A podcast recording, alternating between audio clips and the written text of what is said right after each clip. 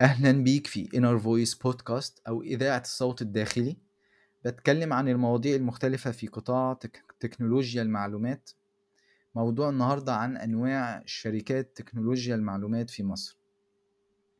عندنا الشركات بت- بتنقسم لنوعين رئيسيين. النوع الأولاني هي شركة المنتجات.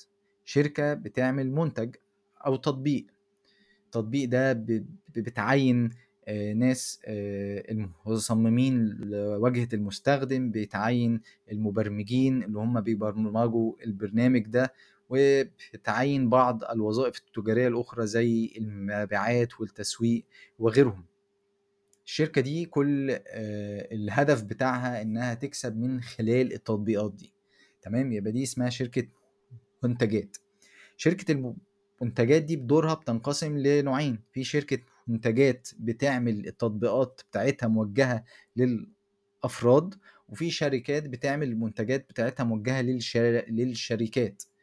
النوع الأولاني التطبيق الموجه للأفراد ده زي اللي أنا وأنت بننزله في الموبايل ده بي تو سي ده بيسموه بي تو سي بزنس تو كاستمر في, في الآخر ال end user أو المستخدم النهائي بينزل التطبيق وبيبتدي بيستخدمه في طلب الطعام بقى في التوصيل وهكذا.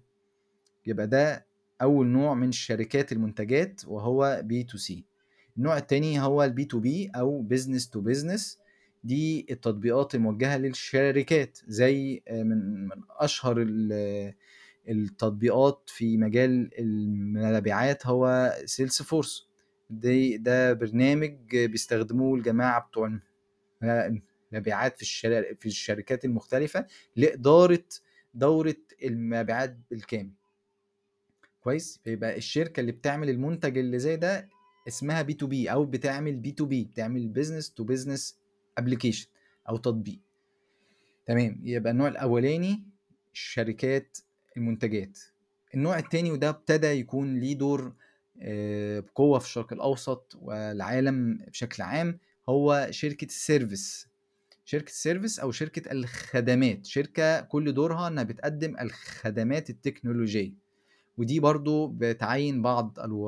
بعض الوظائف التج... ال- التجارية التسويق والمبيعات وهكذا وبتعين الوظائف الفنية اللي هي من خلالهم بتقدم ال services دي أو الخدمات دي.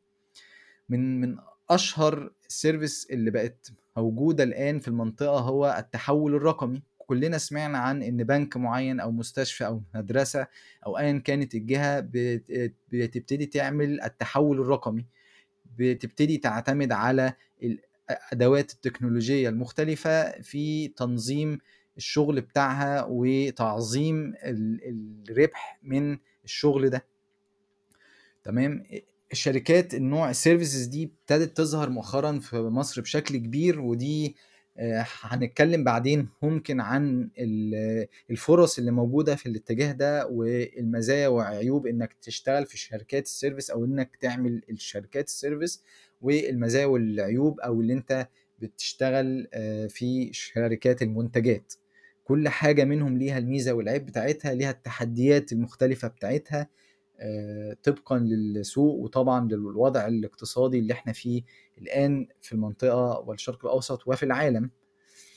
بس ده كان موضوع النهاردة وأتمنى أنه كان آه، مفيد لكل الناس وانتظروا إن شاء الله الحلقات القادمة. شكرا. كان معكم كريم كمال.